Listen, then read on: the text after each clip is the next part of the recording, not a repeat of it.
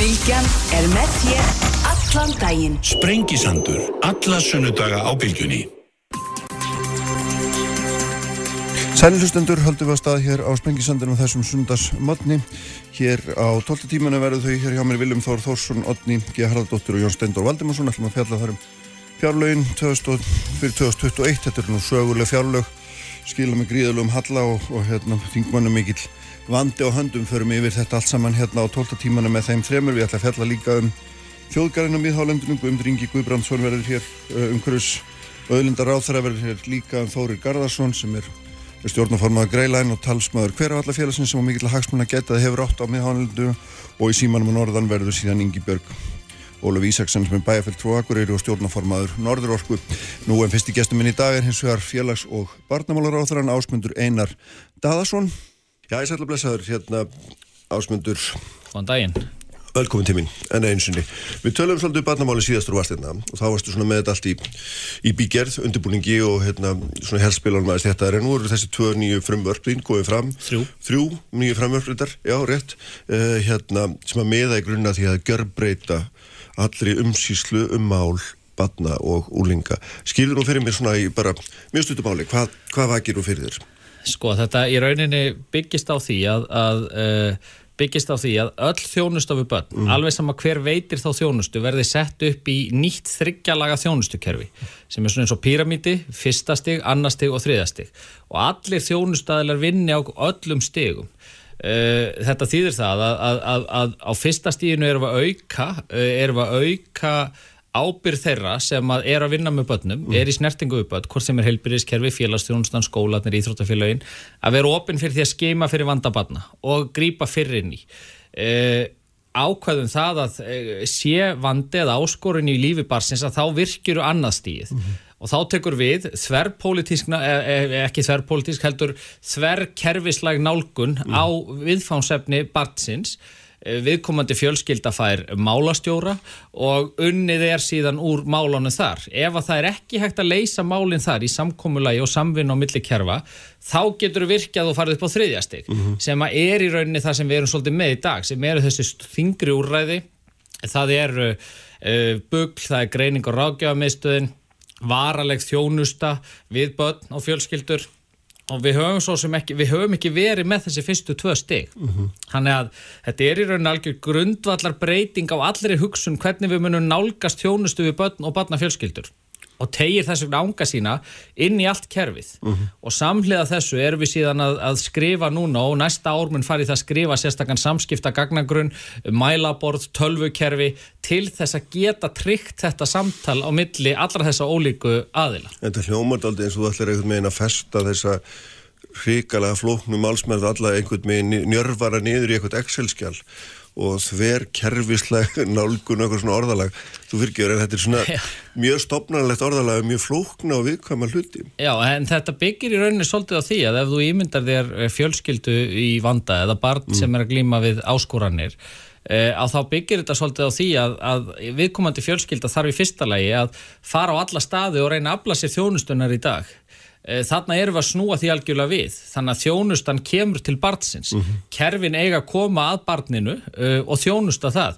Og ekkert ósöpa því sem gerist kannski í í skóarhlýðinni hérna þegar við virkjum uh, almannavarna ástand þá kom allir saman í samhæfingamiðstöðuna en er ekki að vinna hver í sínu hodni og þegar allir koma saman -hmm. að þá verða allar aðgerðir miklu markvisari. En það er einhver vá eða neyð fyrir dyrum sem knýra á þetta? Jú en váinn í þessu tilfelli er barnið Aha. og þegar að vá er fyrir dyrum hjá barnið þá virkjast þá fer upp á þetta annað stig mm -hmm. og þá ert í raunin að virkja slíkt ástand sko. Það er slíka, slíka nálgun, það sem allir koma saman mm og það sem að gerist þá líka og það sem að fagma þessi þúsund mann sem hafa komið að smíði þessa frumvars hafa bent á og þá munir líka losna úr læðingi á hvernig orka það er að segja að þeir sem eru að vinna með barnið og þeir segja, heyrðu, hvað er þess að gera? Já, heyrðu, þess að gera þetta? Já, heyrðu, þá þurfum við kannski að gera, ekki að gera þetta og svo mhm, framvegis. Mm -hmm. Og það hefur sínt sig að við erum auðvitað að taka, sko, það er svona þrem svæðum á landinu sem er búið að vera að keira svona hugsun uh, aðeins ólíka, það er annars vegar uh, það sem kallast Breitholtsmótilið og Reykjavíkuborg hefur að keira þar.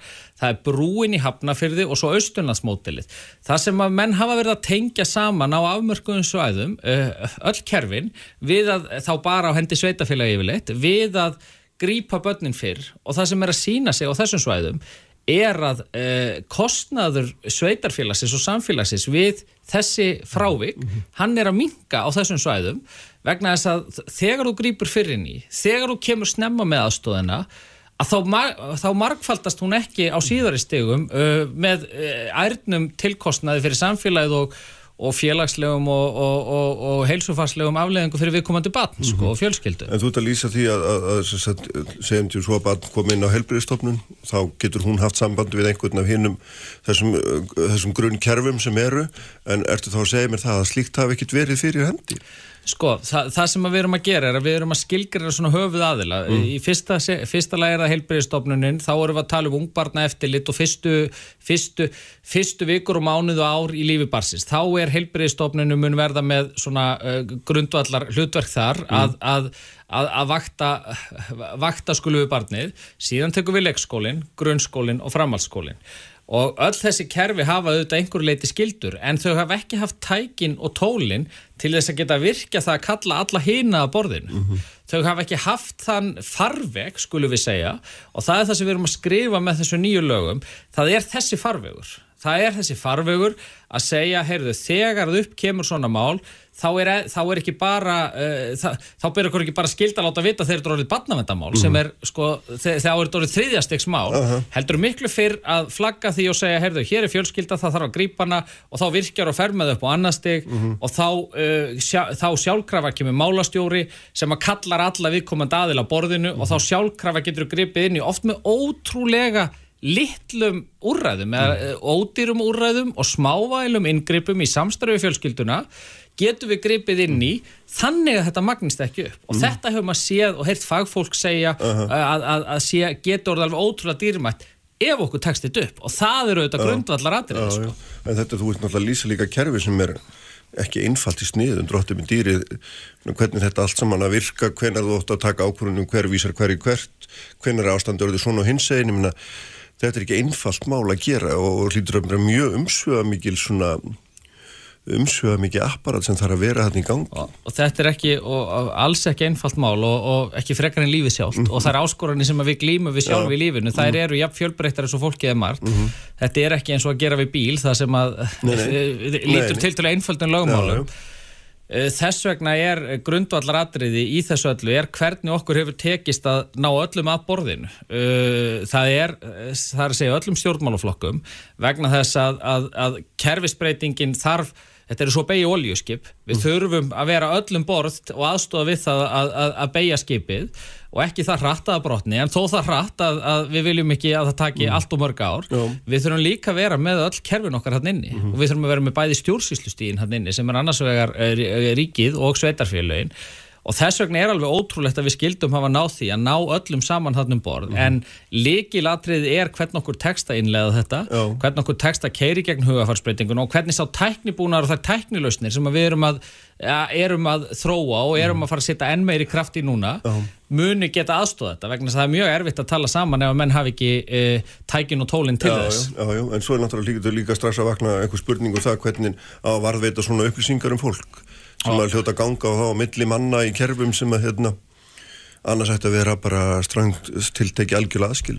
Og það er einmitt, við höfum verið í, við smíðu frumvarsins höfum við verið í góðu sambandi við persónuvend mm. og, og líkilatrið eru þetta að þú ert að, þú ert að þjónust, að þetta er á þjónustulegum grunni og það er þannig að það er ekki verið að fara að opna á upplýsingar á milli kerfa nefn að viðkomandi þjónustu þegi mm. sem er barnið mm. og fjölskylda þess e, fallist á slíkt Uh, og gagnagrunnurinn sem að, ekki gagnagrunnur, þetta svona eiginlega meira samskiptagrunnur uh -huh. sem að uh, við erum að uh, vinna í þróuna og hann, hann mun tryggja þetta en hún leikja þessar sjónamöða en á sama tíma er líka gríðarlega mikilvægt að hafa hugfast að þegar þú grýpur fyrir ný þegar þú kemur með þjónustun að snemma mm að þá er ekki orðin þessi, skulum við segja, spenna, eins og þegar þú er komin með mál sem eru komin á þriðja stig orðin barnavendarmál, mm -hmm. við erum að tala um láþröskulda yngripp, og við erum að tala um ofta tíðum er það fjölskyldan sjálf sem að þarf að dröstlast með allt á milli staða, byrja að segja söguna sín á nýjanleik, á nýjum stað mm -hmm. og svo mhm. framvegis og framvegis, mm -hmm. við erum í raunin að lo losa fjölskylduna og kerfið allt saman mhm. við þann tví, þrý, fjór og fimm verknað sko Þannig að heilt yfir, með því að lækka þröskuldin, að þá held ég að við náum að grípa þetta uh, að verulegu leiti uh, en um leið er tölvukerfið verður skrifað allt þannig að, að það er ekki mögulegt fyrir þig að þú ert kennari að fara að fletta upp öllum upplýsingum sem dæmi séu tekin. Þetta, þetta, er, þetta, er, þetta er allt hægt í, í nútíma, nútíma tækni, við gerum þetta í helbriðsgögnum, við gerum þetta í löggjæslugögnum og svo framvegis. En höldum þeim samt strámt aðskildum það- höldum þessu Já, aðskildu og, og, og það er rauninni, við erum ekki við kerfi. Við erum bara að búa til svona samtalsgátt á millið þeirra sko, Mhm, sem að er valfrjáls hvort að nýtt er. En þetta er eins og þú nefnir, þá er þetta mjög viða mikið og það sem að þetta, þegar maður fyrir að lesa þessi frumvarpin í gegn, það kemur alltaf strax í ljós að það er ekki króna inn í þessu og í fjárlegunum er ekki neitt og hérna það er ekki ég, ég, og við vitum hann um báður að fjármagnir er náttúrulega reyfi af þessar hluta og þessar miklu hugmyndir verð ekki neinu ef að, ef, og þeim fylgir ekki fjármagn og hérna eitt í viðbútvarandi þetta er þetta ríki hefur marg sinni sett að fót smáar stopnanir sem einhvern veginn kóðna niður í það ekki er, neitt það er hérna, þetta er eh, ekki alls kostar rétt hjá þér vegna þess að á næsta ári Mm. eh, núna er frumvarpi, ég mælti bara fyrir því núna í vikunni Já, já. Eh, það fyrir núna inn til þingsins og verður vonanda lögum kannski í mars, april skulum við reikna með vegna þess að þetta er stórt frumvarp bara fyrir umsóknum svo framvegis. Eh, Við erum með uh, á næsta ári 400 miljónir inn í félagsmálaráðandunum til þess að þróa þessar tæknilausnir, til þess að undirbúa innleðinguna. Síðan er, uh, síðan er það þannig að, að uh, við erum að setja lagaskildu þannig inn. Við erum að setja lagaskildu ofnbæra stofnanir og sveitarfélög og við erum að setja mjög stífar, stífa varnagl eins og enn í eftirlistofninu gagvar því að, að það er bit í því ef ekki er farið að lögunum. Á sama tíma erum við að segja að það mun þurfa fjármagn inn til þess innlega en það er miklu minna en allir halda. Aha. Það er á bilinu 1,3 til 2 miljardar á ári sem að mun þurfa árun 2022, 3 og 4.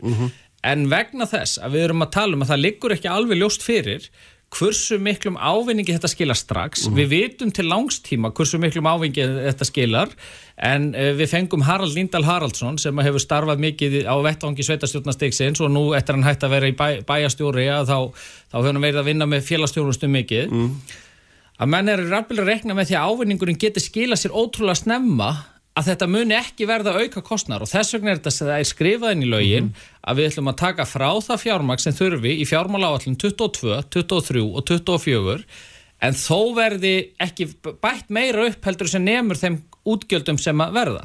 Að því við ætlum líka að vakta hinn hagræna ávinninga þessu. Að því við ætlum að láta þetta skila því markmiðum sem að eh, hérna það á að gera. Og við erum og það er líka aðeins að þú veist að tala um stofnanir þá er líka að hafa hugfast að þessar tvær stofnanir sem við erum að búa til þarna, barna og fjölskyldustofa hún er reist á grunni barnavendarstofu þannig að við erum í raunin að leggja niður barnavendarstofu í núverandi mynd en stofna þessa barna og fjölskyldustofu. Á sama tíma er þessi gæð og eftirlitstofnun velferðarmála, hún er reist á grunni eftirlitstofnunar sem er starfandi sjálfstætt innan félagsmálraðansins þannig að við erum líka nýta þá innviði sem þar eru Þannig að um leiðu við segjum við erum að búið til tvær nýja stofnanir þá erum við að gera það já en við erum að gera það á grunni hinna.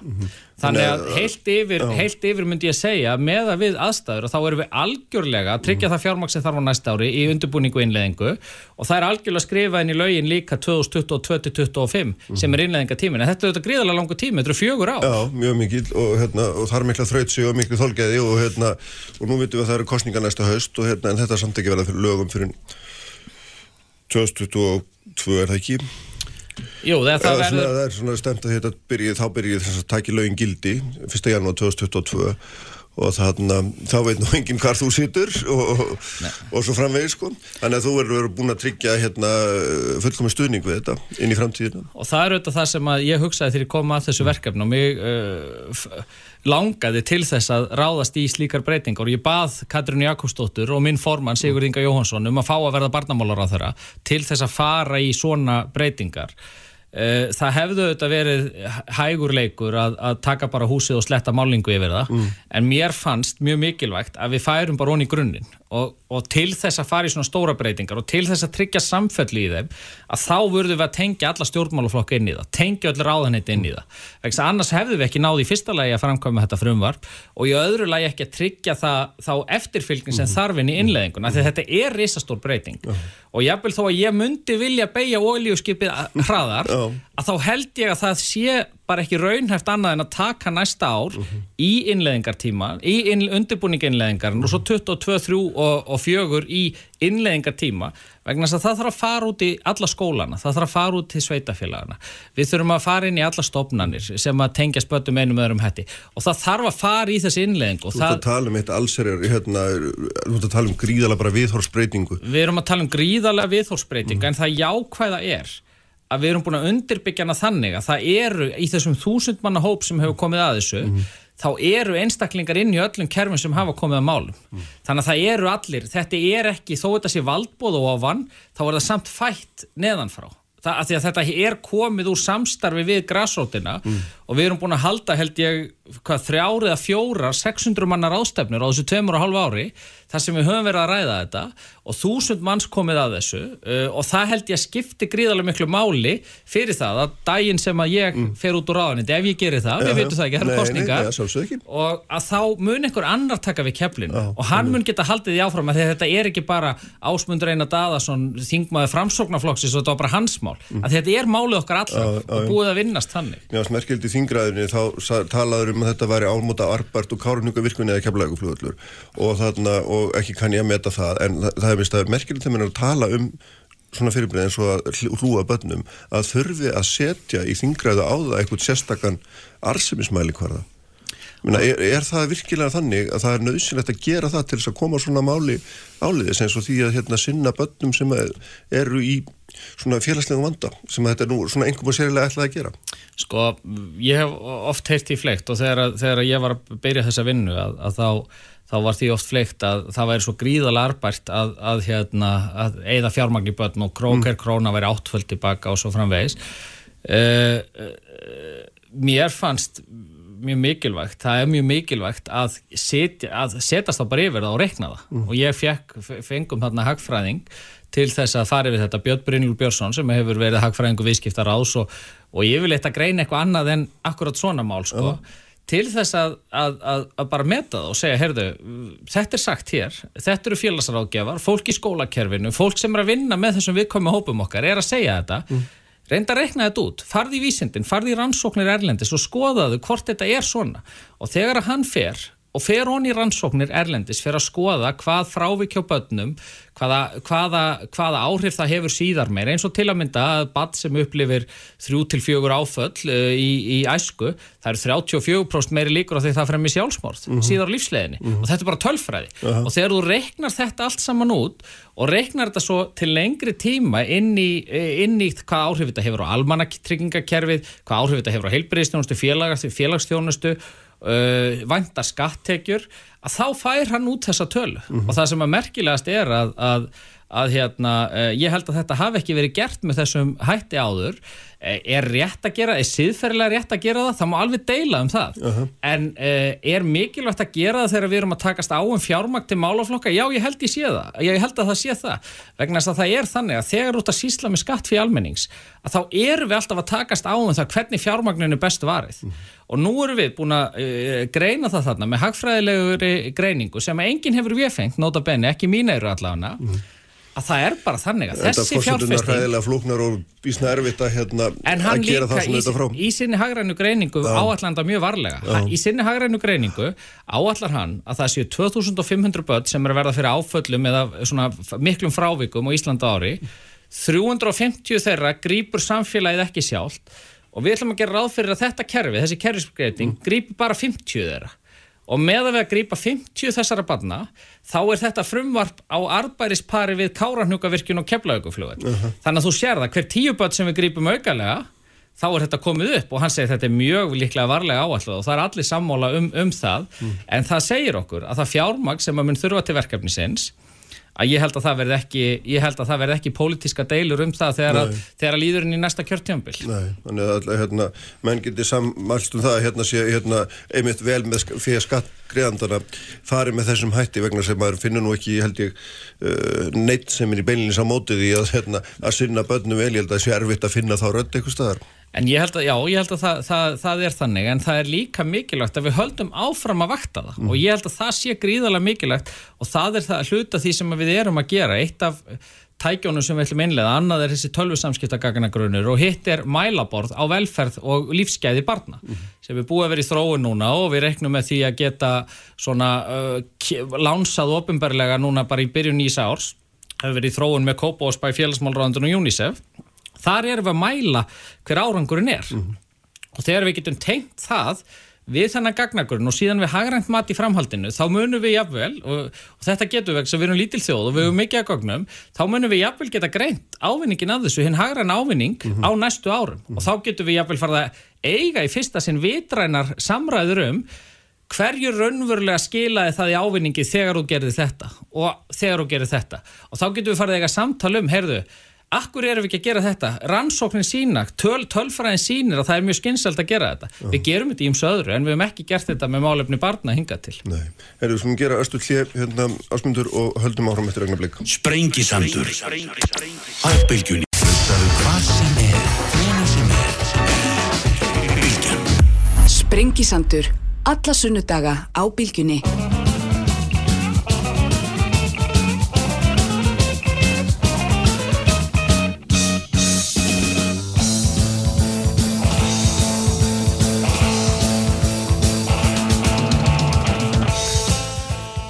Sæli hlustundur, þá er uh, ásmundur Einar Daðarsson farin frá mér. Uh, þau verða hérna í lokþáttar Viljum Þór Þórsson, um, Odni Gerhardóttir, Jón Steind og Valdimarsson. ætlum að tala um fjárlögin, verða hér einhvers veginn á 12. tímanum en þeir eru komninga til mín Þóri Garðarsson og Guðmundur Ingi Guðbrandsson. Þóri eru auðvitað stjórnaformaða Greinlæn og talsmaða hverjafallafélagsins. Guðmundur Ingi um, umhverfis og öðlundar á þeirra eins og öllum að nú var aflítið kunnugt og fyrir norðan er í símanum Ingi Björg Óluf Ísaksen, Ísaksen sem er bæjarfulltrúi og hérna stjórnaformaða Norðurorku. Heyri í okkur Ingi Björg? Já, heyri við lífið. Gott, sæl og velkomin í þáttinn. Takk hjá það. Mér langar að byrja hjá þér nefnilega vegna þess að hérna, við ætlum að fjalla um þennan þjóð, þjóðgarða miðhálendinu og þú svona ert, ert hérna ætlar að bjóða þig fram til þings meðal annars og, og hérna hefur líst yfir og viljir sækist eftir sæti framsvöldflokks fyrir norðan og, og hérna byrjar á því að segja á þeim flokkur ríkstjórn hérna að umhverfisráðurann um, ætla að loka hálendunum fyrir svona grein sem þú skrifaðir umhverfisráðurann Mhm. lokar hálendunum Hva, hvað átt neila við? Já, það sem ég er að tala um að, að þegar maður les frumvartur um hálfinsöðgarinn, þá lítur það bara ágjörlega út. En þegar maður setur markmiðslýsinguna á 47. náttúruvendala saman, þá fer maður að sjá þetta yfir ljósi. Og ég skilja þetta þess svo að allt hálendi verði sett í mjög strángan vendaflokk. Mm -hmm. Landsæðirunni sem er samband þjóðarinnar. Þú veist, þetta er ekki sagt í frumvarpunni sjálfu en kemur fram í markmiðslýsingunni. Já. Og við stofnum Hálend þjóðgars þá falla niður sjálfu um vatnajökulsþjóðgarinn sem tók miða fjölbreytti starfsemi og aðstæðan við stofnum þjóðgarsins. Þannig að ég skilda sem svo að gardurinn allur fallit í vendaflokk 2 á 30% svæða landsinsokar. Mm -hmm. Og með þessu er það svæði sem er hendu að framlega endurlíu nýjanlega græna orku tekið úr sambandi. Og ef þú tekur orkuríkasta svæði landsins út fyrir sviga þá hlýtur maður að spyrja sig hverju vera fórna, hverju eru þarfi landsins. Mm -hmm. Auk þess sem ég lít svo á að þetta takmarki bara verulega möguleika á nýtingu og geðum hálensins fyrir alla aðra starfsemi sem að þá lítur beintar eftir þjóðgarsins. Mm -hmm. Ég til til dæmis okkur verða að verða rétt er að sveitafélag sem nú hafa skiplast á sæðinu, landiðanda og svo ekki sem minnst á almenning, rétt almenning til þess að njóta útvistar í íslenski náttúru, hvað sem þarf að veðslega mjög með hjólandi, það er nú svo sem komið fram í umræðinu líka. Aha, hérna Guðmundur Ingi, er þetta tilfelli, er það loka hálendunum? Er það, er það hérna, er það rétt áleitun að, að vendaflokkurinn sé svo stífur og þarna megi, hérna, ekki nokkuð maður reyfa sig? Nei, bara alls ekki. Eh, Það kemur nú mjög skýrt fram í, í átjöndu grein frumvarpsins að almenningi er heimil förum hálendisþjóðgarð og dvöl þar og það er svona kannski megin útfærslan á markmiðum þjóðgarðsins um það að, að hérna, þjóðgarðu sé til þess að uh, veita aðganga náttúrunni, fræða um náttúruna og opnan fyrir fólki og það er alveg grundvallar atriði í þessum lögum. Það er ekkert sem að segir til um það í þessum lögum hvaða verndarsteg verði á þessu svæði. Þar sem að Ingi Björn talar um að þjóðgarður, þar að segja flokkur 2, sé e, mjög stramt fyrirkomula. Mm. Það er það ekki. Það er ekki stramt fyrirkomula. Það er það fyrirkomula sem að þjóðgarðar e, einkjannast af og það er einmitt að þeir eru e, opnir. Þeir eru opnir fyrir útivist, þeir eru opnir fyrir umgengni. Þannig að þetta er En þeir eru einfallega ekki einfaldlega fyrir ekki innvæðingu eða framkvæmdum þeim tóa. Nei, þeir eru ekki opnir fyrir slíku en það erum við að búa til sérstaka umgjörð um þá þætti í frumvarpinu sem að tengjast orkunýtingunni. Þannig að það er einfallega ránt og ekki rétt með farið að þarna sé verið að loka.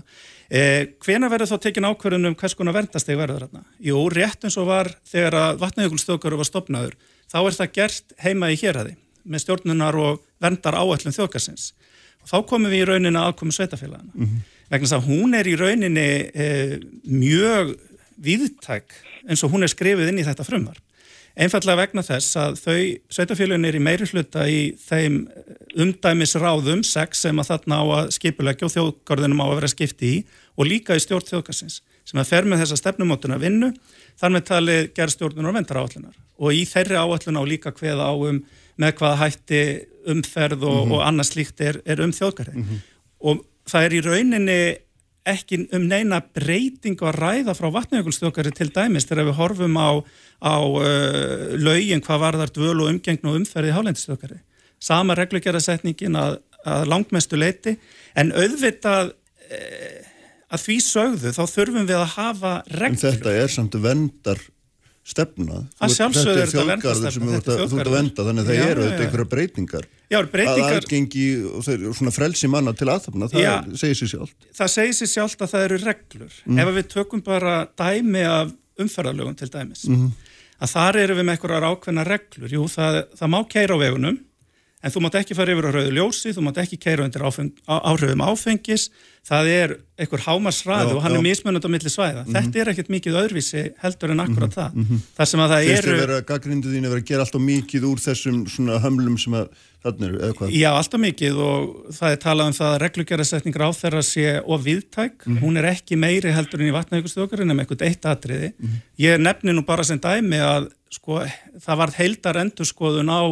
reglugerðin um vatnaugustjókar sem var samþygt núna af mér e, í mars á þessu ári.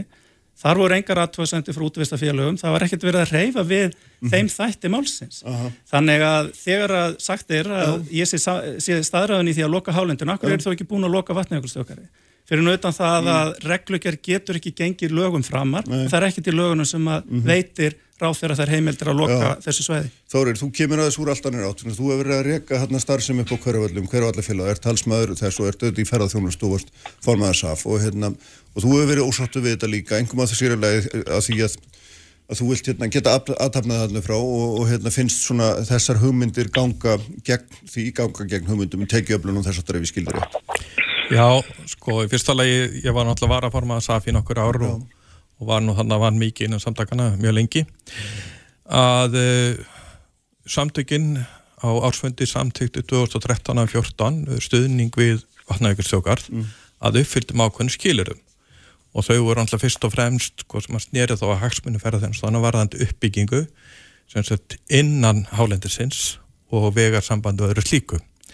Framhald að þessu var gert samkomalag uh, með fjölmargra aðla þar að með að landend og sem að Guðmundur var í sem að svona tók svolítið mið af þessu, það er þess að 2016 uh, ég get ekki séð að í þessi frumvarpi sé mikið, tekið tilliti þarfa ferðarþjóðstunar mm. uh, og ég tekar skýrt fram sko, ég er ekki á móti þjóðgarði, alls ekki en ég er á móti því hvernig þetta er framsett. Og þar að leiðandi er ég náttúrulega í þessum hópi sem að þingvast þetta fannst tilvæglega að kalla grenjandi hvað, minni hlutahópur Já, akkurat. ég verð það bara að vera það og vera bara með mitt til sjó í því. En af hverju, af hverju ertu á móti því, því hvernig þetta er gert? Hvað er það nákvæmlega? vegna þess að það er ekki gert ráð fyrir því að engaðilega geti verið með uppbyggingu á hálendinu það er fullt að engaðilega með starfsemi á hálendinu það, er ekki, það var ekkit samráð haft við eins og til dæmis í hverju allafélagið og það hefur mikið verið talað um það að það þurfa að taka hálendi í fóstur og svo framvegis. Landsvæði hverja allafélagsins er um 50 hektarar sem við leigjum ekki af ríkinu, ekki af sveitafélaginu heldur á eiganda landsin sem heitir sjálfsagnarstofnun aukulheiðar Mm Eh, markmið með til dæmis eh, þjóðlendum var að taka yfir land sem ekki var hugsaðum, það á ekki við á hverjafellum. Öll þessi ár, frá því við komum að þessum, þá hefur við verið að reyna að berjast í því að fá að byggja upp innviðarsvæðinu til þess að geta svarað þeirri aukningu sem hefur verið á komið ferðamanna inn á svæði. Og, og er það hefði ofnbæra sem að hérna, stendur það þvert gegn því sem sagt? Já, það hefur gengið mjög illa og það hefur meðal annars verið byggt, það fjallað um það að uppbyggingarsvæðinu muni leiða sér fleiri ferðamenn Mhm. og þess vegna þeirri þessi uppbygging að fara aftur í umhverfsmat það var búið að fara í umhverfsmat áður Mhm. þá má líka veltaði fyrir sér þar þá bara ekki þjóðgarinn í held sín að fara í umhverfsmat vegna þess að ráður að tala mikið um það að þetta sé mjög gott fyrir ferðanstuna því þið fleiri ferðamenn svo frammiðis þess til viðbótar hefði við nú líka vilja sjá að fyrst væri farið í uppbyggingu inn við á hálendinu bæta vegarsambandu og hannað áður en að þjóðgarurinn kæmi. Og þjóðgarur sko, það er bara orð. Þetta er margar útfæslur af þjóðgarðum. Við sjáum sem til næst bara í Skotlandi þar sem er bara mjög öflug atvinnustæðar sem innan garsins og íbúar og því er stýrt af nærsemfélaginu, sveitafélagin halda sínum rétti og svo framvegis. Þannig að það er mögulega mátt ver, gera þetta kannski einfaldar og öðruvísi bara í, á grundvelli landskipulas og, og með aðkomi sveitafélaga Mm -hmm.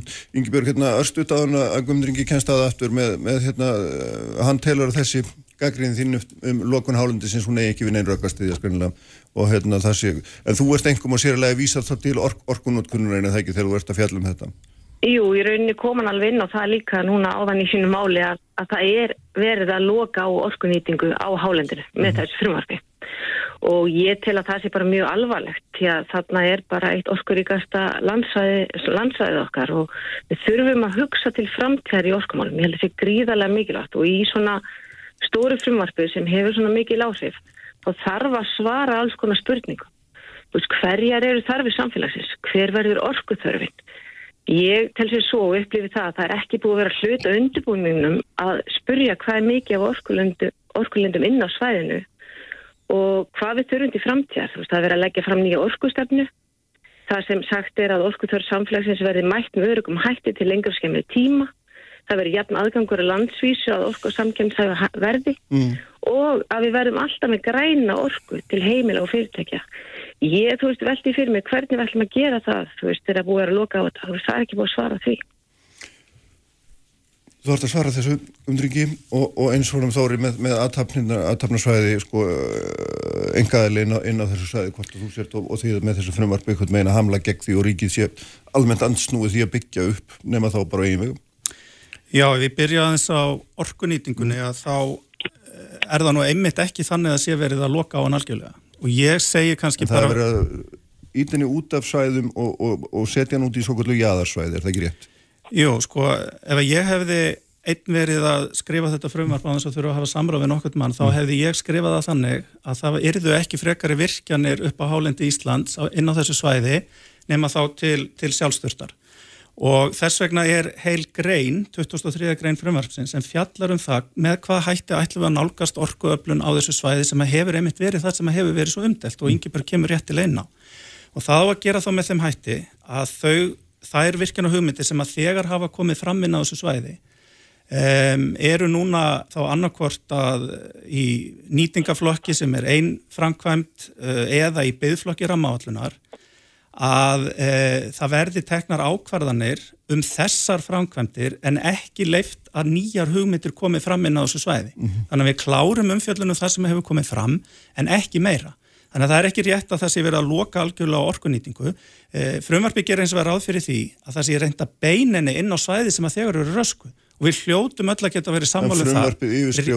Áallurinn rétt eins og við getum verið sammálum það við viljum ekki kæra utan vega. Uh -huh. Þannig að það er nú ekki kannski fleiri orðum orkunýtinguna heldur en þetta. Mm -hmm. e, síðan aðeins varðandi það sem að snýra ferðarþjónustunni. Sko, í fyrsta lagi þá held ég nú að krafa um umhverfismat fyrir þá starfsemi sem að þórir nefnir á, á hverjaföllum. Þar sem er til umhverfismat sem að er, ég ætla að segja ekki orðið meir en 20 ára gammal, gerir ráð fyrir núna.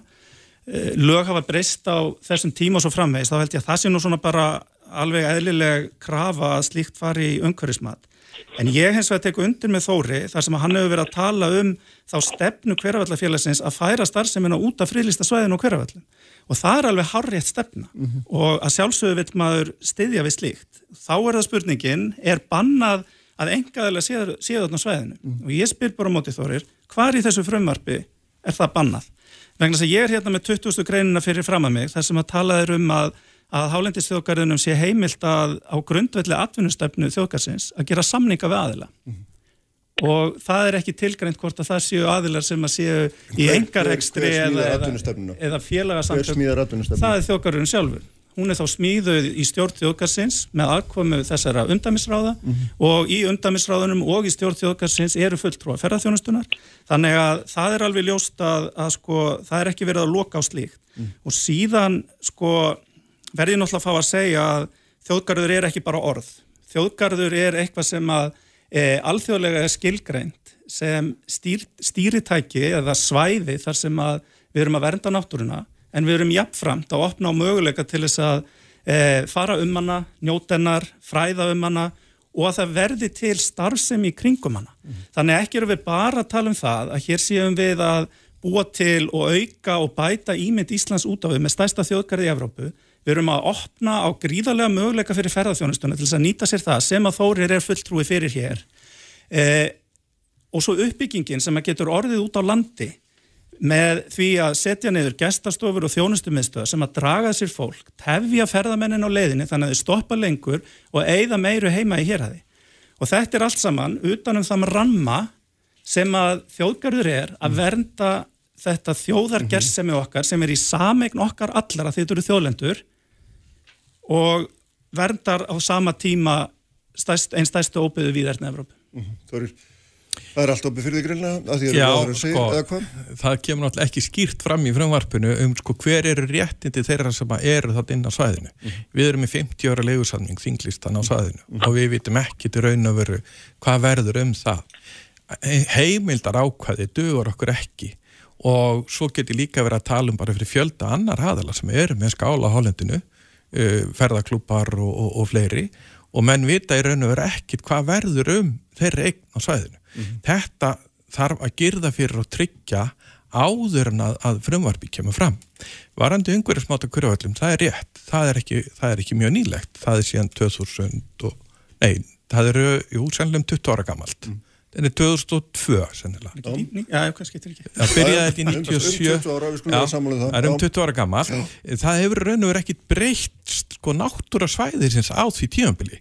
En það er mjög aðdeglisvert Kröfunar getur hafa breyst kröfun getur hafa breyst. En það sem var líka það kom eina aðtöðasemd við það að það ætti að fara í sérstætt umhverfisvand að rýfa gamlurskáluna sem voru inn á friðlista svæðinu. Og ég man ekki betur en Guðmundur hafi sjálfur skrifað undir það aðtöðasemd á sínu tíma, já, en ég meina það, það er sagt vilt þú uh, sem engaðali þarna hafa einhverja frjálsari hendur við uppbyggingu, finnst þér vera menn vera að þvælast fyrir ykkur, hvað hva er svona hva, hvað er það finnst- sem þú vilt að, hérna, hverju ára hann að breyta og, og hann uppfylla og þínar óskir? Sko, mér finnst að það sem kemur fram til dæmis í landskipulastefnu sem tók við að svæðiskipulaði miðalöndisins ramma þetta mjög vel inn hvaða starfsemi getur verið leifileg þarna á svæðinu og það er það sem við viljum bara vinna eftir og það þarf ekkert að, að, að hérna, flækja það neitt mikið meira.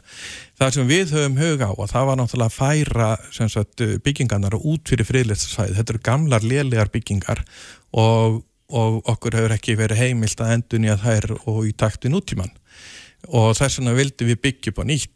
Eh, við skulum líka hafa það í huga að svæði var á rauðum aflista umhverfstofnar hvað 2010. Það var ekki síst fyrir framkvæmdi hverjafallafélagsins hluta til í samstarfi við umhverfstofnun að svæði komst af þessum rauða válista. Nú staðin er þannig á hverjafallum að þar hefur ekki verið landverður í mörg ár á síðu umhverfstofnar segir að að starfsminn hverjavallarsjávallar sjáu um landörslu. Það hefur aldrei verið rætt eða samið um það við hverjavallafélagið en við finnum alltaf til ábyrðar að hugsa vel um landi vegna þess að það er eitthvað mjög mikið vegt. Ef landur er komað það eru kóru og þetta er alveg úrvals fólk, það vantar ekki. Sama má líka segja varðandi hérna áleitisveit hérna landsbjörgar á sumrin.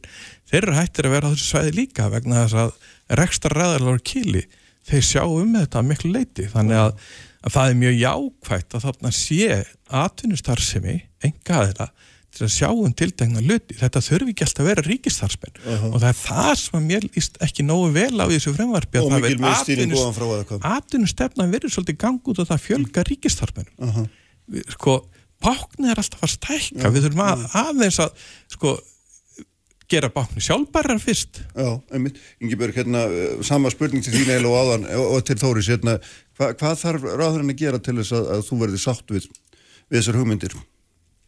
Já, orðina hans áðan staðfyrsturinn er bara mínar áhugir þegar hann fór tala um ramma þrjú því að þú veist nýtingaflokkur sem þar kemur til greina er 45 megawatt af 2177 kynni farið byggðflokk Mm -hmm. og í raun er það þannig að þegar stopnandi farið sem ákveða og veita leifi varðandi frekari virkjanir þá þurfa þau að miða við þess að markmannfylgjum sem kemur fram. Þá get ekki betur séð en það farið vendaflokk 2. Það þýðir það að það verður ekkert farið í neina varanlega framkvæmdir innan garðsins. Þannig að ég hef áhugir á því og það er svarum þeim spurningum bara um það hvernig ætlum við að fara í orkuskiptin sem eru fyrirhugð. Hvernig ætlum við að afla þessar grænu orku. Mér finnst svolítið vant að þessa framtíða sín og þegar að vera að huga orku er ekki framtíðarinnar, þá þarf að horfa langt fram tíman, lengur heldur en 10-20 ár. En ert þú í fyrir því. ertu andsnúin þessari hugmynd um þjóðgarð? Eða viltu Nei. bara sé þjóðgarður og að sé leifta virkinjónum? Ég meina, hvers konar sko, þjóðgarður er það þá með þeim innafrangundu? Ég bara spyr. Já, sko, ég, raunni, ég er alls ekki þjóðgari, Nei. alls ekki og ég held að við viljum öll venda náttúruna. Uh, það sem ég raunni, ég er að benda á líka er að við sem þjóð getum haft hennar þjóðgar alveg sem við viljum. Við getum sniðan að þörfum og vilja þjóðareinar. Haft hann þannig að hann þjóni hagsmunum til þess að bara til núverandi nýtja þörfum og orkunýtingu til framtíðar og þá er ég ekki að tala um að virkja bara til að virkja, heldur að virkja þegar þörf krefur. Uh, aðgengi land, landsmanna um landið og ferðarþjónusnar sem má áfram telja. Það má í rauninu skilgreina þjóðgarinn með aðra vendarflokka, fleiri vendarflokka og það er þekkt erlendis að þjóðgarinn séu flokkaðar í svæði þar sem mismikil friðin á sér stað. Já. og það er líka þekkt sem ég veit að mér skilst það, það sé fyllt af þjóðgöfum allan heim það sem sé orkunýting og það væri bara gaman líka yfir á það að geta svarði hvort það sé ekki rétt hjá mér. Ég held það, þannig að ég, það er bara mörgum spurningum í rauninu ósvar og ég held að þurfi að Já, leggjast í meiri vinnu. Já, þetta er samt þannig að þegar þú, vilt, þú ert samþygg hugmyndir um þjóðgar, myndir vilja skiptvorm í ólíka vendaflokka og leifa þessar framkvæmdir sem að þú telur myndir um rúmast eða þeir væri nöðsynlegar vegna orkuöflunin í framtíðinum. Er þetta ekki bara ágætlega ásættalega sjónum hérna, með Sko það er kannski margt sem að má nefna í þessu og í fyrsta lagi er alveg rétt hjá Ingibjörgur að það eru til þjóðgarðar í heiminum þar sem að er orkunýting inn í þeim. En þeir hafa nú, svo orkunýting hefur yfirleitt komið til áður en að slík, til slíkra verkefna þar að segja þjóðgarða hefur verið stopnað og ég vona að Ingibjörg geti verið sammála mér um það að eins og frumvarpið er að gera ráð fyrir að þá sé verið að beina mögulegum nýjum virkjunum inn á þegar rösku svæði fólks að við viljum fara inn á órösku svæði með nýjar virkjanir inn á þessu hálendi sem að er eitt, ein mesta náttúru djást sem að þjóðin hefur yfir að, að búa og ég held að við verðum náttúrulega að hugsa líka um mismunandi hagsmunin, ekki Eitt bara augnablik getur þú svarað þessu bara já eða nei, Ingebjörg. Er, er það það sem þú vilt fara inn á órösku svæði? Nei, ég vil bara ekki loka fyrir neina möguleika. Ég held að við þurfum að fá tækifæri til að meta þá orkukosti sem koma til greina. Ekki bara loka strax á það.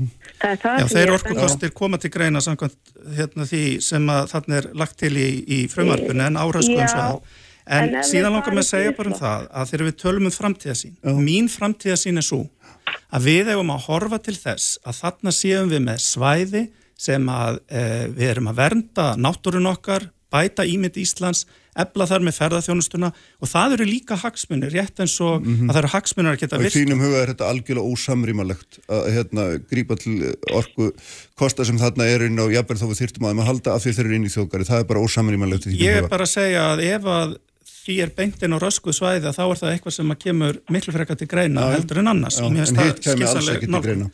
Fyrir mér er það ekki Nei, þannig nei. og, og frumvarpi gerir ráð fyrir því að þetta sé á rösku um svæði. Já, já. En síðan aðeins bara, sko, hvaða sín höfum við? Höfum við þá sín að við getum í rauninni látið þessa tvo hagsmunni fara saman og ég held að það sé hægt með því að við tökum hálendi svolítið frá fyrir komandi kynslaðir. Mhm. Eh, með þeim uh, afmörkunni sem að þarna er í frumvarpinu varðandi orkuöflunina. Þannig að við séum að hárfa til þess að við byggjum hérna upp uh, öfluga og ennþá öflugri ferðarþjónustu, þá ímynd af landinu að við séum uh, náttúruvernda þjóð sem að heldur verð utanum þessi verðmætt okkar, því að þau eru ekki síður verðmætt heldur en að geta virkjað. Og það er alveg hægt að virkja líka utan þessa svæði og taka ákvörðunum það að, að e, það sé eitthvað sem við sjáum fyrir okkur Já. að, að hlutinni séu hafðir. Örstut, hérna, áður en hann svarar því sem varst með áðan, hérna, þú sem atvinnureikandi, hérna, þarna sem atvinnureikandi yfir höfu fyrir ekki, þarna, finnst þér að, eh, sem sagt, og sem ferðið þannig reikandi, finnst þér að við eigum að fara inn á þessu ósnortnu sæði eða, eða eigum við að láta þau alveg í friði? Hvaða skoðun hefur þú til mig spara á því? Mér finnst sko svo vinnar sem er farið fram í ramma áallinu vera mjög mikið svirði. Það er að segja, það er búið að skipta þessu upp í nýtingflokk, byggflokk og vendaflokk. Og það er það sem við höfum að taka mið af. Og mér finnst eiginlega að komið svona frumvarp þvert yfir það. Mér finnst það að vera en, Þetta frumvarpi yfirskrifi rammaáallinu Já, það er það sem að, en ég hef reyndar ekki kynnt mér þetta nákvæmlega, ég höfum bara fyrst og fremst útráða frá hagsmunum ferðunstunnar og hagsmunum almennings sem að vil, vill ferðast um hálendið. Já, en eh, aðeins varandi það sem að hérna, Þóri saði áðan, sko, varandi þetta samspil hérna, ríkisins og engaðal á þessu svæðum sem maður les, þegar maður les greinar um þetta þá sér maður þetta þessa gaggrinni við að þetta er ómikið miðstýring, þetta er ómikið ríki er að setja stóna frumvarpi er of alltækt að hérna fer ón á önnur frumvarp mikilvægur ramma áallun og svo framvegis, alltaf mikið vald verið að fara inn í miðina. Mín skoðun er reynda svo að hagsmunni ferðarþjónustuna félist nú líka í því að við séum ekki að ráðast með virkjanir inn á, á órasku svæði. Mm. síðan nefndi Þórir hérna áðan réttilega landskipulastefnu og, og hvaða stefna hefur verið mótuð þar. Þegar að stjórnur og vendarállum verður unnin fyrir þessi svæði þjókasins þá ber að taka mið af, af landskipulastefnu. Þannig að það er í raunin allt skrifað inn í, það þarf ekki að af því. Þóri nefndi líka landvöslu, að það hefði ekki verið nægir landvösla á þessu svæði. Það er nú einmitt eitt af markmiðunum með þjóðgarðunum að geta fjölga landvörðum á öllu hálendinu en ekki bara á þeim svæðum En sem væri það ekki ágættis þjóðgarður. hugmynd að rekstraðalinn takja að Jú, sér síðan þegar þeir ætla- eru sí- tilbúin til? Jú, jú, jú, síðan ætlaði ég að koma að því. Það eru heimildir til þess að semja við rekstraræðilega eins og, eins og það sem að Þórir fyrir fyrir, meðal annars um umsjón og, og jafnvel landvöslu mm. Eða í samvinnu við uh, þá þjóðgasi yfirvöld með einhverjum hætti og við hefum alveg, alveg, alveg dæmi um slíkt að það sé hægt. Síðan er þetta með miðstýringuna. Er þetta virkilega svo að þarna sé verið að koma miðstýriðu batteri? Og svar við, mitt við því er sko, nei, alls ekki. Vegna þess að við erum einmitt að auka aðkomu, ekki bara sko uh, að, að þarna séu sveitarfélög sem að koma að vinnunni við þessa stjórnur og vendarállin sem er planið fyrir þjóðgarðin, heldur líka aðilar úr ferðarþjónustu, aðilar frá bændum, útivistasamtökum og náttúruvendasamtökum. Þannig að þetta er miklu frekar að við séum að horfa til þess að þetta sé dreifstýrt heldur en miðstýrt og horfum bara á einhverja aðra þætti í samfélaginu. Ég nefndi nú hérna vegi á þann og umferð. Eh, ekki er, er hérna umferð eða, eða hérna veglækningu stjórna með þessum hætti. Við erum að byggja hérna upp mjög líðræðislega aðkomu sem allra flestra að því að stýra þessum náttúru öðlindum okkar eh, sem þjóðgarði. Þórir, Sko, það er eitt sem vantar við líka að inn, líka inn í þetta frumvarp. Það er, hvað kostar þetta? Það kemur hver, hvergi fram hvað þetta kostar. Kemur nú Og bara það er-. Það er gríðalegur kostnaður sem mun fylgja allir þessari starfsemi. Og hver á að borga? Hver verður gjöldin? Þetta er, þetta er mjög óljóst og, og mínir félagi mínir í ferðunstuna hafa miklar áhyggjur af þessu. Svaraði þess að þú segir það komið fram. Hvað kostar þetta? Já, sko það er búið að gera ráð fyrir í rauninni rekstrinum í fjármála áallun sem að uh, var samþýtt í fyrra á þeirri fjármála áallun sem að núna liggur fyrir þinginu. Þannig að það er búið að gera ráð fyrir rekstrakostnaðunum, það er búið að gera ráð fyrir því að Sem verður hver? Sem er, sem er þá, það er þá bætast við um halvu miljárður í rekstur sem að fyrir er á þeim frílistu svæðum sem eru þarna nú þegar í dag. Síðan er í rauninni gert ráð fyrir því að, að gjaldtaka geti skilað 100-200 miljónum, eitthvað svo leiðis. Um, það er gengið út frá því að uh, það sé frátekið fjármagn um 450 miljón, miljónir á ári frá 23 í uppbyggingum á þessum gestastofum sem er mjög mikilvægt fyrir ferðarþjónustuna og uh, síðan enn náttúrulega svo bylting sem að orðið hefur í tíð þessara ríkistjórnar að núna er þessi landsáallunum uppbyggingu innveða sem að telur miljard á ári sem að friðlistu svæðin geta sótt um fjármagn í til þess að byggja upp göngustíga, salerni, oh. uh, útsýnispall og svo framvegis. Þannig að staðan með þetta náttúruvendaverkefni í upphafi þess er miklu, miklu sterkari heldur en við höfum séð áður. Aha, Ingebjörg, þú hérna farði eiga loka orðin, er þetta, þetta ómikil miðstýring, ertu hérna ósamála ráðhrann um það að þetta sé hérna dreifstýrt? Já, ég leiði mér allavega að spyrja hvort það sé rétt forgangsun fjármaks. Ráð þeirra, hann vil svona þjóðgarð, uh, vil þjóðin eins þjóðgarð. Ég bara veldi fyrir mér. Það er góð spurning. Það. Það er góð spurning. Við fáum hérna, fáum úr því skorið síðar. Takk fyrir að vera með okkur Ingi Björg, takk Þórir og takk um Ingi fyrir mjög hérna kröftugar og öflugar umræður um þetta. Ég ætla að tala síðan um fjallagin hérna eftir Viljum Þór, Odni og Jón Steind og Valdimarsson. Uppspretta frétta á Sprengisandi á Bylgjunni. Kraftmikil umræða alla sunnudaga. Sprengisandur á Bylgjunni. Og við lokið umræðu um þjóðgarðina miðhálendinu, Guðmundur Ingi Guðbrandsson, Ráþerra og Þóri Garðarsson frá, frá hverjavallafélaginu og svo Ingi Björg Ísaksen, bæjarfulltrú Akureyri og stjórnaformaður Norður Orku. Þetta var hérna afar áhugavert en nú ætlum ég að tala hérna aðeins um fjármunni okkar sameiginlega, fjárlögin fyrir næsta ár sem er náttúrulega afar skrítin, Otni G. Haraldóttir er hérna hjá mér og Viljum Þór Þórsson auðvitað formað fjárlaga nefndur og Jón Steindur Valdimarsson áheirna fulltrúi í fjárlega nefndi, ég fenn nú rétt með þetta allt saman. Uh, hérna komið sæl og og velkomin. Takk, takk. sko þetta er, þetta er náttúrulega uh, hérna, stórfyrðuleg fjárlega svo bara er nú við að búast að þetta á þessum stórfyrðulegu tímum. Við erum að fara hérna niður um í 270 miljardar í halla eitthvað að tæpa eftir því sem eru sínst og þarna og eitthvað eitthvað 500-600 miljardar halla á tveimur árum. Þannig að það er nú svona það er nú ansi vöndu að ráða verðum maður að segja svona meða við meða við hérna stöðuna og mikilvægt auðvitað að svona peningandi farin og þongar sem að þeir helst er þörf eða að byrja á þér átni, finnst þér að gera það? Nei, því miður, þá hérna, er, er það nú ekki í öllum tilfellum. Auðvitað er, eru margar ágæta tillögur þarna innanum og við í samfélkingunni samþyktum mjög margar breytingatillögum meirulhauta fjallaganendar og ég get til þess að byrja með verið jákvæð Já, og, og já. nefnt tvent sem að mér fannst sérstaklega gott og Já. það eru auðvitað fjölgunin á hjúkunarímanum Já, sem að veist, eh, bara er nöðsynlegt en, en gott að stjórnameirlutin átt að segja á því og svo uh, viðbótin í framhaldsskólakerfi því það er bráðnöðsynlegt þegar við erum að glíma við svona mikið aðunlýsa að opna skólana, gefa fólki tækifæri til þess að styrkja stöðu sín á vinnumarkaði sem verður vantarlega öðruvísi heldur en áður en, að, heldur en fyrir COVID. já, Það sem er hins vegar alvarlegt uh, er hvernig farið er með landsbítalan og að heilbriðis, að sérst, aðhalskrafa sig gerð á heilbriðiskerfið í þessar stöðu sem við erum í. Uh, aðhalskrafan uh, er um, um 2 miljardar á kerfið í held, ég held að það sé 400 miljónir á, á landsbítalan sjálfan og landsbítalan sjálf þarf síðan að, glíma við uppsafnaðan halla, upp á 4 miljardar. Og þetta, og, og stjórnarliðar ætla ekki að virðast ekki ætla að hreyfa sig í þessu til að hafa möguleika vegna að við erum ekki búin að loka nei. dæminu uh, og vonandi uh, snúa þeir tilbaka hvað þetta varðar því að á ymmit COVID-tímum þar sem að bygglistar hafa lengst vegna annara sjúkdóma vegna bara aðstæðana sem er í heilbreyðskerfinu út af heimsfaraldri að þá eigum við að fella niður þennan halla og ekki vera að gera aðhalskröfu á heilbreyðskerfið og, og það þú veist, fór veikt inn í COVID og við þurfum að styrkja það og allra, og ég veit að formaður fjárlega nefndar, þegar hann fær orði hér á eftir þá mun hann segja hvað við höfum látið mikið á þessu Já, já. kjörtaföndbili í, í landsbítalan til að mynda Já. þar eru stæðstu uh, upphæðunar í nýbyggingu landsbítala og það er frábært verkefni en það er ekki í aukinn þjónusta, heldur er það í nýbyggingu þannig að þú myndir vilja ef þú reyðir strika út þessa,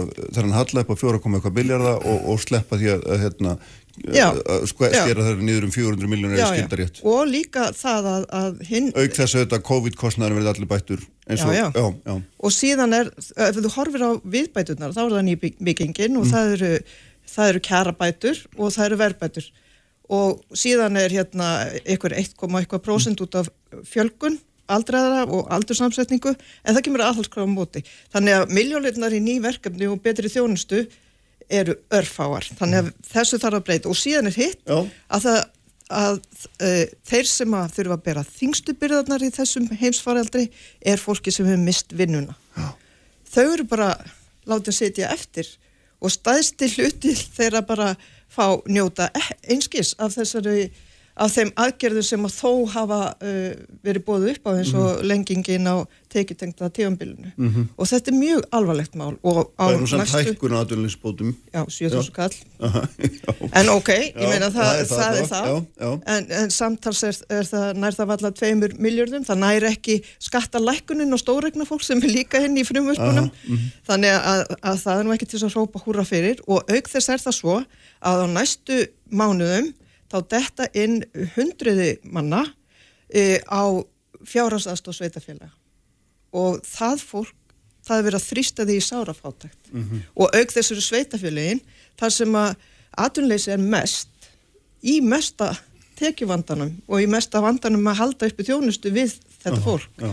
Þannig að þetta tvent er alvarlegast en svo má nú týna ímyndslegt annað til við þegar lengur hérna- líður á þáttum. við skulum- Já, við skulum leifa viljum að koma, það er mikilir ábyrðin viljum þegar hérna, á þetta er hort, en, en sko, ef, hérna vegna þess að Otni byrjar að tala um spítalan og ég, og ég er skoðað þetta og þá ser maður hérna strax að þið talið um það að þið hafi sett ykkur 20 miljardar auka í, í rekstur hérna á síðustu árum og, og þið ætlaði að bæta upp allan COVID-kostnaðin og svo er, en svo, og, og maður bara botnar ekki alveg í bókaldinu því að svo er þessi halli einhvern veginn utan dagskrári eða innan, ég veit það ekki og svo er einhver aðhaldskrafa sem að þetta er bara eitthvað svona hrærigrötur af stærðum sem að hérna, ég eiginlega bara svona áttar sér ekkit á hvernig funkar það saman, þú fyrirgjur Já, nei, ég held að hrærigröndunum sé aðalega út af umræðun. Já, gott og vel Nú erum við með lögum ofnbær fjármál sem eru bísna skýr. Mhm. Ef að stopnun fyrir umfram fjárheimildir, þá skal sá uh, halli sem myndast eða afgangur flytjast á milli ára eins og í dæmi landsbítalans. Og, og við erum að, síðan er almenn aðhalskaða sem er 0,5% og við getum haft alla skoðun á því sko, hvort að það sé skynsalt að vera með almenna aðhalskröfu í kerfinu eður ei. Uh, mitt mat er að við ættum að fara út í allt aðra aðferðafræði. Að, að stjórnendur Þýðir stofnana- almenn aðhaldskrafa það að kostnaðurinn við spítalan á að vera 0,5% lægri á næsta ári heldur en er í dag þá eiga, eiga, eiga fórstöðumenn Mm. að leita allra leiða til að finna hagræðingu í kerfinu, Mhm. í skipulagi, í vaktafyrirkomulagi, í öllu öðru en að það komi niður á þjónustu. Mhm.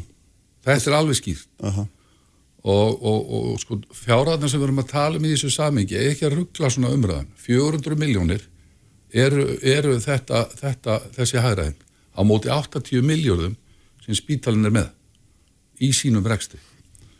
Og, þetta, þetta sko þetta á bara við um skipuleið þetta á ekki að koma niður á þjónustunum það er alveg skýrt. Ég var nú svona vona eftir því sem árin liðu að við, við getum náð þessari umræðu niður á eitthvað svona eðlilegt horf eins og lögin mæla fyrir um þá á stjórnandi spítal, stjórnendur að taka samtal við ráðherrin heilbríðisráður og segja, heyrðu, hér eru við með eitthvað halla eða afgang eftir aðtökum hvað er að gera? Hvernig nýtist þetta? Þetta eru auðvitað ekkit, ekkit vandamáli að það er afgangur. En þetta er viðkvæm stofnun hún er viðkvæm í umræðu hún er viðkvæm í, í, í rekstri. Meni, þetta er viðkvæm þjónusta við landsmenn. Þetta er þriðastegst þjónustan. Þetta eru mjög floknar aðgerðir. Og þetta, þessi halli sem við erum að tala um þetta er um 1% af heldar umfanginu sem hefur sapnast upp á okkur um þreymar árum. Og nú voru það þannig að ráðherran og, og, og, og fórstöðumann þeir ræða sér saman. Síðan kemur spítalinn fyrir fjálaðan og ég var að vona það að við getum bara rætt um þetta hvað er skynsalegast að gera. Áherslan hefur verið alveg skýr. Og ekki að koma niður á þjónustu spítalans. Þannig að ef, að, ef, að, ef við segjum nú að bara, tökum Þú stað við erum búin að bæta Já. allan COVID-kostnaði Já, ég segi það sko, hvert- öllu hvert- jafn er þetta viðkvæm Já, en, en, en COVID ofan í kaupi það, það er skilningur allra já, já. að þessi hall er bara innan svið og til hlýðar Við, Þannig að þú þarft ekki í raun og veru hérna, hann er bara bókastærð, þú ert að segja mér það. Hann er bókaldstærð sem að við sem á ekki, að, skerða þjónustu. Nei, það er alveg skýrt. Til dæmi segjum að þú bætir 10 miljardum onna út af COVID að þá tekur ekki 4 miljardar því eða einhver öðru og, og hérna tilbaka. Nei, nei, til að mynda núna í COVID Mm. þá hefur svona almennu rekstur af því að hann hefur, hann hefur áherslan hefur auðvitað verið á að bregðast við COVID með sérstakri deild og svo framvegis. Og við höfum bætt það allt. Hátt í 6 miljardar í fjárökum. Að að- að þá hefur svona annað kannski sem að hægt er að láta setja, setja til hliðar. Að að- að það, það hefur gengið 1 miljard inn á hall. Og þá, þá eiga menn bara að tala sér saman. Og ég er fylgjandi því til framtíðar. Við förum að hætta svona almennu aðhaldi inn í kerfinu, við höfum bara að segja kalla þetta endum að útgjálta svo aðferðafræði er í vinslu og þá getur mann bara lagst yfir sinn rekstur sem að þekkja miklu betur heldur um við sem erum um þetta að fjalla sem eru á stofnunum alla daga. Og þeir segja, heyrðu, við getum gert þetta svona. Og, og, og hagrætt á þessu svið, þess að kominur á þjónustum tala við sinn ráðverða, ráð og við fjallaðanum og við þingið. Og, og, og þannig lærum við miklu betur á það hvað er hægt að gera og hvað er skynsilvægt Já, einmitt. Já, Odni, þú kennst að, Jón, þú eru hérna, Já, já, það er upp á spurningin bara, eru peningarnir að fara rétt að stað? Hérna, svo þarfum við alltaf að tala um spítalana. já, já, já, já, já, já, en svona bara í upphafi þá auðvitað liggur fyrir og það blandast auðvitað einhverjum hugur um það að, að það er, eh, okkur er vanda á höndum og staðan er snúin. Og hérna uh, ríkistjórnin er svo sem ekkit öfundsverð af þeirri stöðu sem uppi er. En uh, það er margt í, í þessu frumvarpi sem er, er gott og skára væri það nú og mjög margt af því sem að, að hérna, við viðreist höfum, höfum stutt uh, diggilega við og reyndar flest allar aðgerðir sem hefur verið gripið til sem hafa verið uh, ágætar en það þýðir ekki það að, að það sé ekki ímislegt þarna sem að, okkar mati hefði mátt betur fara.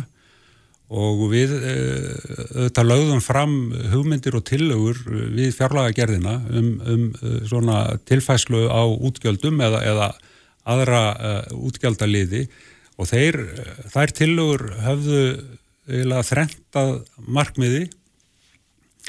Það var sem sagt að, að uh, horfast í augu við einn, einn af alvarlegri vö- vöndunum, ef maður má segja það í, í fleistunni en ég má ekki gera. En, en, en einn vanda sem er, er, er, hérna, er, er mikilvægur og, og það er auðvitað atvinnuleysið sem er gríðarlega mikið í, í, í þeim hæðum sem við þekkjum ekki og við vitum öll að atvinnuleysi hefur í för með sér gríðarlega miklar uh, félagslegar afleiðingar. Þannig að við uh, vorum nú að með tilugur til dæmis í þá veru að, að fyrirtækjum væri heimilt að ráða fólk af atvinnuleysisgrá gegn því að fá helmingsafslátt af, af tryggingagjaldinu sem að er, er við þessar aðstæður íþingjandi og, og, og, og kemur í vekk fyrir að, að fyrirtæki ráði til sín fólk. Þetta er, var einn tillaga, hún var feld, við vorum með tillögum það að, að, að koma til mótsi sveitarfélögum, félögin, varandi aukna, aukin útgjöld til félagsleira þjónustu. Og svo framvegis, en síðan eru þetta önnur sko, áherslu atriði sem virka mjög sérkennilega í þessu frumvarpi. Og þá er maður kannski komin aðeins sko, niður í einstaka liði en, en uh, alþingi samþýtt í vor til dæmis að, að hérna, taka sálfræði þjónustu innendi sjúkratryggingar. Og kostnaðurinn við það er metin einhver staðar einn og hálfur miljardur kannski. En í staðin fyrir að fjármagna það samkvæmt skýrum vilja alþingis þá er tekið úr sjóðum helbriðisarráðunitsins 100 miljónir, það semst er ekkert nýtt fjármagn sett inn en á sama tíma sjá minn ástæðu til þess að, að setja 80 miljónir í aðtúa það og kalla það umhverjusmál hvort að minkar uh, muni borða mataráganga. Og maður bara spyr sig sko, ég veit að það er kannski einhverju leiti ósangjant að taka þennan samaburð en hvort er nú me meira mikilvægt líðhelsa landsins og andleg helsa eða, eða það hvort að minkar borða úrgang, ég, ég verð að segja það. Já, Odni, þú ætlaður að koma að þessu vantalega varandi spílunan aður en við hættum því eða hvað? Já, ég ætlaði bara að segja, sko, ef að spítali þarf að, þarf að bregðast við fjagra miljardar halla og 400 miljón króna aðhalskröfu og getur gert það án þess að, að það komi nýr á þjónustu við sjúklinga, Já. sko, fyrir mér er það bara einhver barbabrella. Ég meina, hvernig er það hægt? Það er ekki hægt.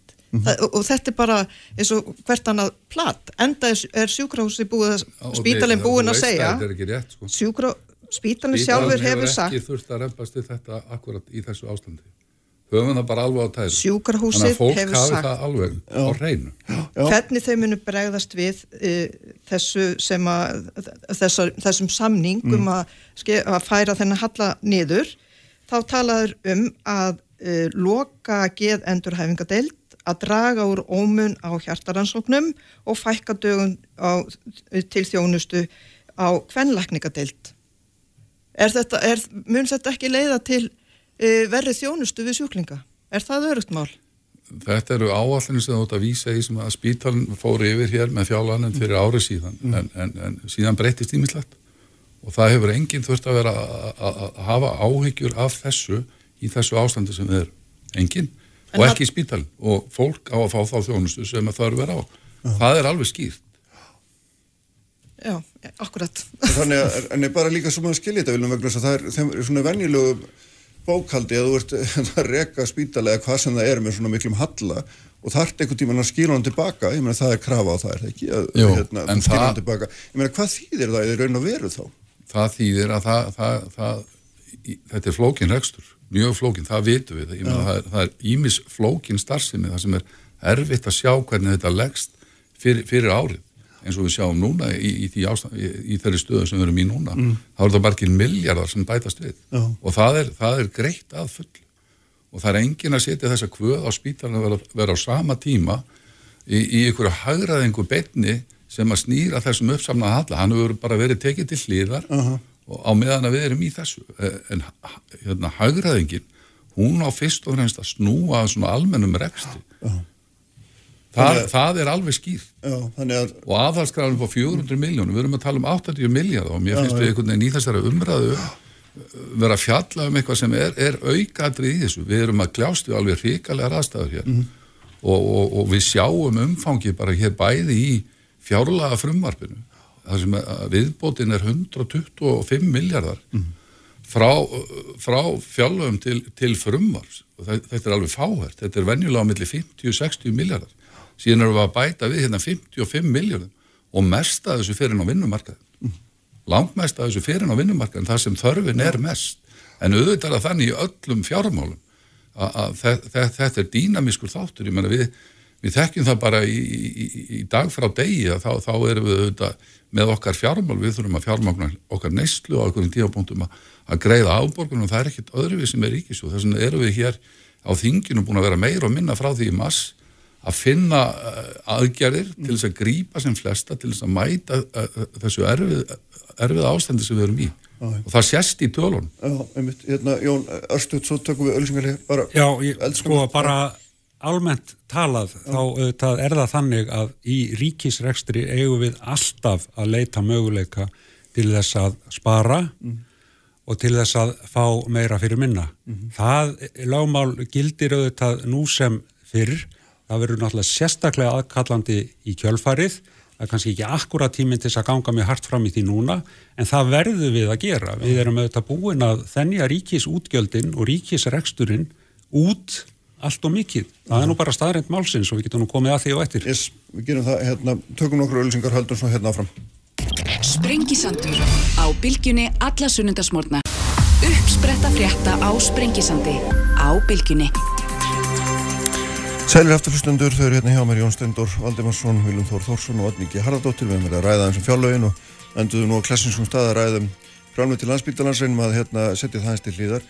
Sko, hérna, eitt af hlutverkum ríkisins, skattkerfisins er að held ég að sé yfir list að svona jafna stöðu fólks og þegar maður skoðar til dæmis tölur nýjas um, um eignir ákveðins minni hluta, þó ekki grenjandi minni hluta eins og var í öðru máli hérna það sér bara að það er að aukast og, hérna, og það er ákveðin sko, í skattgerunu nei í skattbreytingu, núna viljum hérna, eh, stendur meðal hans til að, að hérna, að lækka ekki að breyta fjármannstekjuskatti uh, gefa afslátt að hlutabriða kaupum og, eða skattaafslátt vegna þeirra og það er svona spurningin um hvort að þessi að, að byrtast í þessu einhver tilneying til þess að íta frekar undir þá sem betur standa en skilja þá eftir sem að verðstanda Nei, nú, nú finnst mér við sko vera að fara að ræða hér um svona einhverja einangra afmarkaða hluti sem eru sko í, í, í, í miklu svona, eru bara ekki í þessu stóra samengi sem við erum að kljást við í ríkisfjónunum. Mhm. En gott og vel, ég get alveg útskýrt þetta. Það stóð til samkvæmt, í stjórnarsáttmála að- sko, skoða raunbreytingar á sparnaði og, og þegar við erum að tala um sparnaði í þjóðarslegu samengi þá er það auðvitað svona í- allavega hagfræði 101 er þá er það grundvöldur að fjárfestingum. Mhm. Þannig að við verðum líka að horfa á það í því stóra samingi. Hér er verið að falla frá mjög flókinni breytingu á því að horfa á raunverulegan sparna og ég held að landsmenn tengi alveg við það í lágvaksta umhverfinu núna með, með, með peninga inn á reikningum og þá eru þeir að brenna upp. Mhm. þannig að það sem er verið að gera hér er, er að fara einfald að leið og hækka frítekjumarkið Já, og, og þannig að þeir sem er að spara að, að, að, þeir haldi þá meiri eftir af sínum sparnaði það er nú allt og sund sko. og, og hérna en þegar við erum að ræða þennan þátt að, þá, þá saknaði það sko í þessari umræðu hér sko að við séum að horfa á e, e, þau sko kröftugu viðbröð sem við erum að horfa á í fjálfum í stóru tölunum. Ég meina, og, og það, það er alveg einbeittur vilji stjórnvalda núna að, beita ríkisfjármálum af fullum þunga e, til þess að mæta þessari erfiðu stöðu sem við erum í. Og það eru við raunverulega að gera. Og ég tek undir það sem hefur komið fram hérna að það skiptir ótrúlega miklu máli að þetta fari á rétta staði. Og það eru þetta vinnumarkaðurinn er að taka langt mest til sín að þessu við, við notum stundum orðin svo að beita e, sjálfverkum sveiflujöfnurum.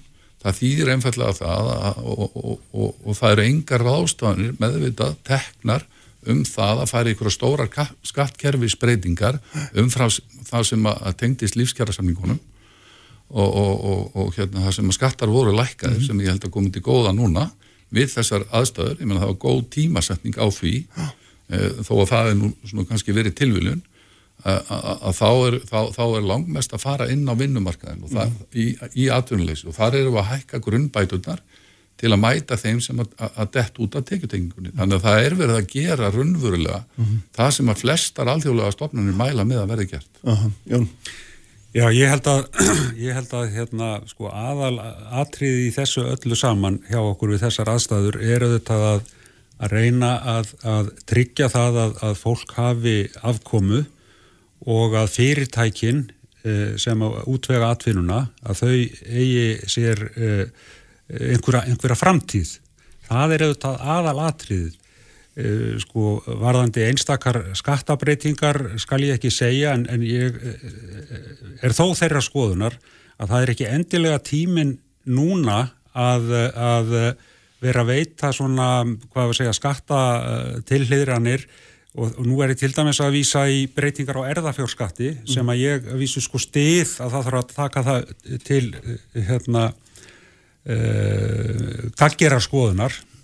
En er, er það akkurat tíminn núna að vera að, að létta, létta það, það mun ekki örfa atvinnulífið, það mun ekki koma atvinnuleysum til góða. Þannig að aðgera þessu tægi til dæmis finnst mér eigi ekki heima hérna núna aðalatriðið er það að við komum atvinnulífin í gang og þar finnst mér uh, sko að, að sumuleiti hefur verið hægt að gera hlutina markvissar. Það eru einstakar greinar sem að við vitum að eru í mjög miklu vanda, við þurfum ekki að ræða um sko, ferðarþjónustuna þar innan er uh, síðan sko, veitingageirinn og síðan er lista og menningarstarfsemi. Þar hefur við verið með hugmyndir um miklu markvissari aðgerðir heldur en, heldur en ríkistjórnin hefur bóðað þeim hefur ekki verið síndur nokkur einasti áhugi af því að þetta er aðal atriði, það er það að við komum fólki til vinnu. Ef það kemst ekki í vinnu að þá séði, séður farborði með einhverjum, einhverjum hætti. Því að staðrindin er svo að, að til þess að örfa hagkerfið og, og láta hérna, peningana koma þá í einhverjum skilningi aftur til ríkisins er það og, og inn í, inn í, í, í, í svona umsvifin í atvinnulífinu Svo, það er að tryggja þér finnst skort á þetta Já, og Já. það er bara til þess að klára Já, þetta já. að með því að beina peningum til þess sem að- þurfa mest á þeim að halda hafa núna minnst á milli handana mest af þeim peningum fer aftur í umferð. Já, það fer ekki undir kottan hjá þessu fólki það fer beint í sirkulasjón í samfélaginu. En, en við, Jón veit að þetta, við erum búin að setja 45 miljardar í tekjufallstyrki og viðspilnustyrki núna í breytingatölunum, akkurat til þess að mæta þessum manda Já, já, en það sagði ég upphafið, það er margt vel gert en það er ekki alltaf okkar mati nógu markvist og mætti Aha. gera betur þar. Odni? Já, sko, það sína alla greiningar innlendar og erlendar að það er hægt á því að ójöfnur aukist mikið í þessari kreppu og egna ójöfnu sérstaklega. Þess vegna er það mjög gaggrínivert þessar breytingar sem að skatta, skattalækkanir á egna fólk sem að ríkistjórnin er að gera að það er ekki bara það sem að eh, varðandi fjármástekjurnar, það er við erum að tala um frítekjumark vaksta tekna arðs og söluhagnar og hlutabrefa og skattleysi söluhagnar á sumarhúsum, það var þar sko fjármastekjuskattin en svo er líka verið að lækka skattleysismög vegna kaupa á hlutabrefum samkvæmt kauprétti um 150% og skattleysismörk er það frá skatt er hækkað um 233% mm -hmm. og, á, og á meðan þá erum við með uh, samkvæmt nýjustu tölum uh, 12% heldar aðunleysi á landinu og þegar að við höfum verið að fjalla um þessa stöðu þá höfum við öll viðukent að það þarf að breyðast við tekifalli fyrirtækja og það þarf að koma með viðspurnustyrki fyrir lífvanli fyrirtæki til að hérna, koma okkur síðan áfram þegar heimsvaraldurinn hefur gengið yfir. Stjórnvöld hafa ekki viðukent tekifall heimilana. En það er svo að þeir sem hafa verið lengi aðunlausir þurfa uh, stöðning vegna tekjurfalls og þau þurfa viðspyrnustyrki líka. Og mér finnst mjög aðdeglisvert að stjórnvöld skulu ekki hafa e, tekið vel í tillögu ASI og, og veslu, sem kom fyrst frá Vestlumannafélagi Reykjavíkur um viðspyrnustyrki til heimilana. Það er hugmynd sem er mjög auðvitað hægt að útværa og mér finnst undarlegt að stjórnvöld skulu ekki hafa tekið undir þá síðan er innbyggður ójöfnöður í, í hækkanir til öryrkja og ellirýrstega og það er pólitísk ákverðun að auka ójöfnu hvað þetta varðar og, og lengja bylið á milli þeirra sem eru fálaunategjur og þeirra sem þurfa að trista á, á líferi og varðandi hækkun og aturlöysisbótum þá þarf aturlöysmaður sem er grunn, á grunn aturlöysisbótum að vera með þrjú börnaframfæri til þess að komast yfir lámast tekitrygginguna það, það er nú all hækkunin og, og gæðin frá stjórnvöldum til þeirra sem bera þingstu byrðar í þessari greppu. Ég held að við verðum að ræða hans fjállu. Sko. Já, við verðum að reyna það og eitthvað byrtist í þeim, eitthvað pólitík, ekki það ekki? Ræða fjállu. Já. Það er langmest að fara á vinnumarkaðin og ég tek alveg undir uh, með, með kollegum minnum hér að það, það er það sem skiptir mestu málið, mm. að aðstofa fólki, en við verðum, sko, við verðum líka átt okkur á því bara hvernig hagkerfi virkar ringgrás aðgerfis, þar eru heimili og fyrirtæki, það er samofið, það eru tvær efnaðarstóðir sem að byggja hagkerfið. Og stuðningurinn við fyrirtækin er um leið stuðningurinn við heimilin. Mm. Hlutastarfarleiðin er e, til að mæta virkni og sambandi á melli fólks og, og fyrirtækja. Og, og aðlunisbætur eru til þess að koma til móts við þá sem er, er í mestum vanda, þar er mest í skafin og ég þangað eigum að beina penningun og það er það sem er verið að reyna að gera. Mm -hmm. þar eru stóru stærðirnar í þessum fjálfum mm -hmm. Stóru stærðirnar eru lögbundin réttindi launamanna. Það eru stóru, já já og þú, við getum kallað hvað sem er, menn það er það sem við erum að gera. Mm -hmm. og, og, og, og það er búið að hækka bætur og það er búið að, að, að hækka grunnbætuna, það er búið að lengja tekjutengatíðanbilið og svo eru svo talandum sko forsendur fjálfa, þá eru forsenduna þær og það er kannski stóra málið þessu öllu mm. að það hinga komi 900.000 ferðamenn á næsta ári já, já. og það er kannski tíman að tákna í þessum fjálfum í breytingunum á milli umræna á tveim, tveimum mánuðum þá hefur það gæst að við, við höfum ákveðið til að svona viðhalda eh, aðurlífinu og hjálpa fyrirtækjunum að komast hér síðasta spölin að setja 20 milljar til viðbótar inn í viðspilnu styrkina og svo erum við að kaupa bóluöfni Þannig að á miðju ári ættum við að geta síðan ferðarþjónustunum að fara í gang og þá göngum við rætt niður á atvinnuleysi. Mm -hmm. Þetta er stóra verkefni. Mm -hmm. Til framtíðar þurfum við, og við erum búin að auka nýsköpun hér um 75% hér mm -hmm. og, og, og, og það, það er svona lengri tíma mál já, já. til þess að ebla atvinnulífið, gera fjölbreytni meiri og svo er það bara leikil atrið og tvö stæstu verkefni í heimsækjörun. Það er að, að, að, að auka fjölbreytni útlunningsatvinnugreina og auka fjárfestingu atvinnum að fjárfestingu. Mm -hmm. Hún er allstað niður í heiminum.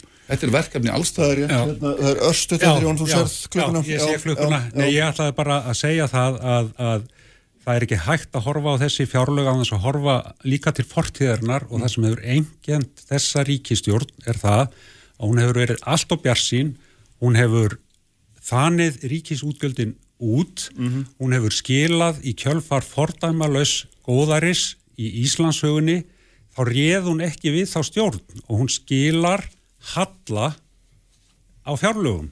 Það er nú staðrind málsins og við hefðum átt Já, sennilega 70 til 100 miljörðu meira til þess að takast á við þennan vanda núna ef þau höfðu staðið sig eins og þau áttu að gera. Verðum, ljómandi gott. Takk fyrir að koma, öll þrjú og hérna, við erum að höldum áfram með þetta setna. Við erum að láta sprengisendinu loki í dag. Uh, Ívar Davíð Haldursson stýrði auðvitað útsendingu, allt efni á bilgjan.is og vísi.is og svo má líka finna okkur þar sem við getum fundið hlaðvörpin ykkar. Takk að Guð semur fyrir að koma og ég verð með ykkur hér aftur eftir viku. Verðið sæl.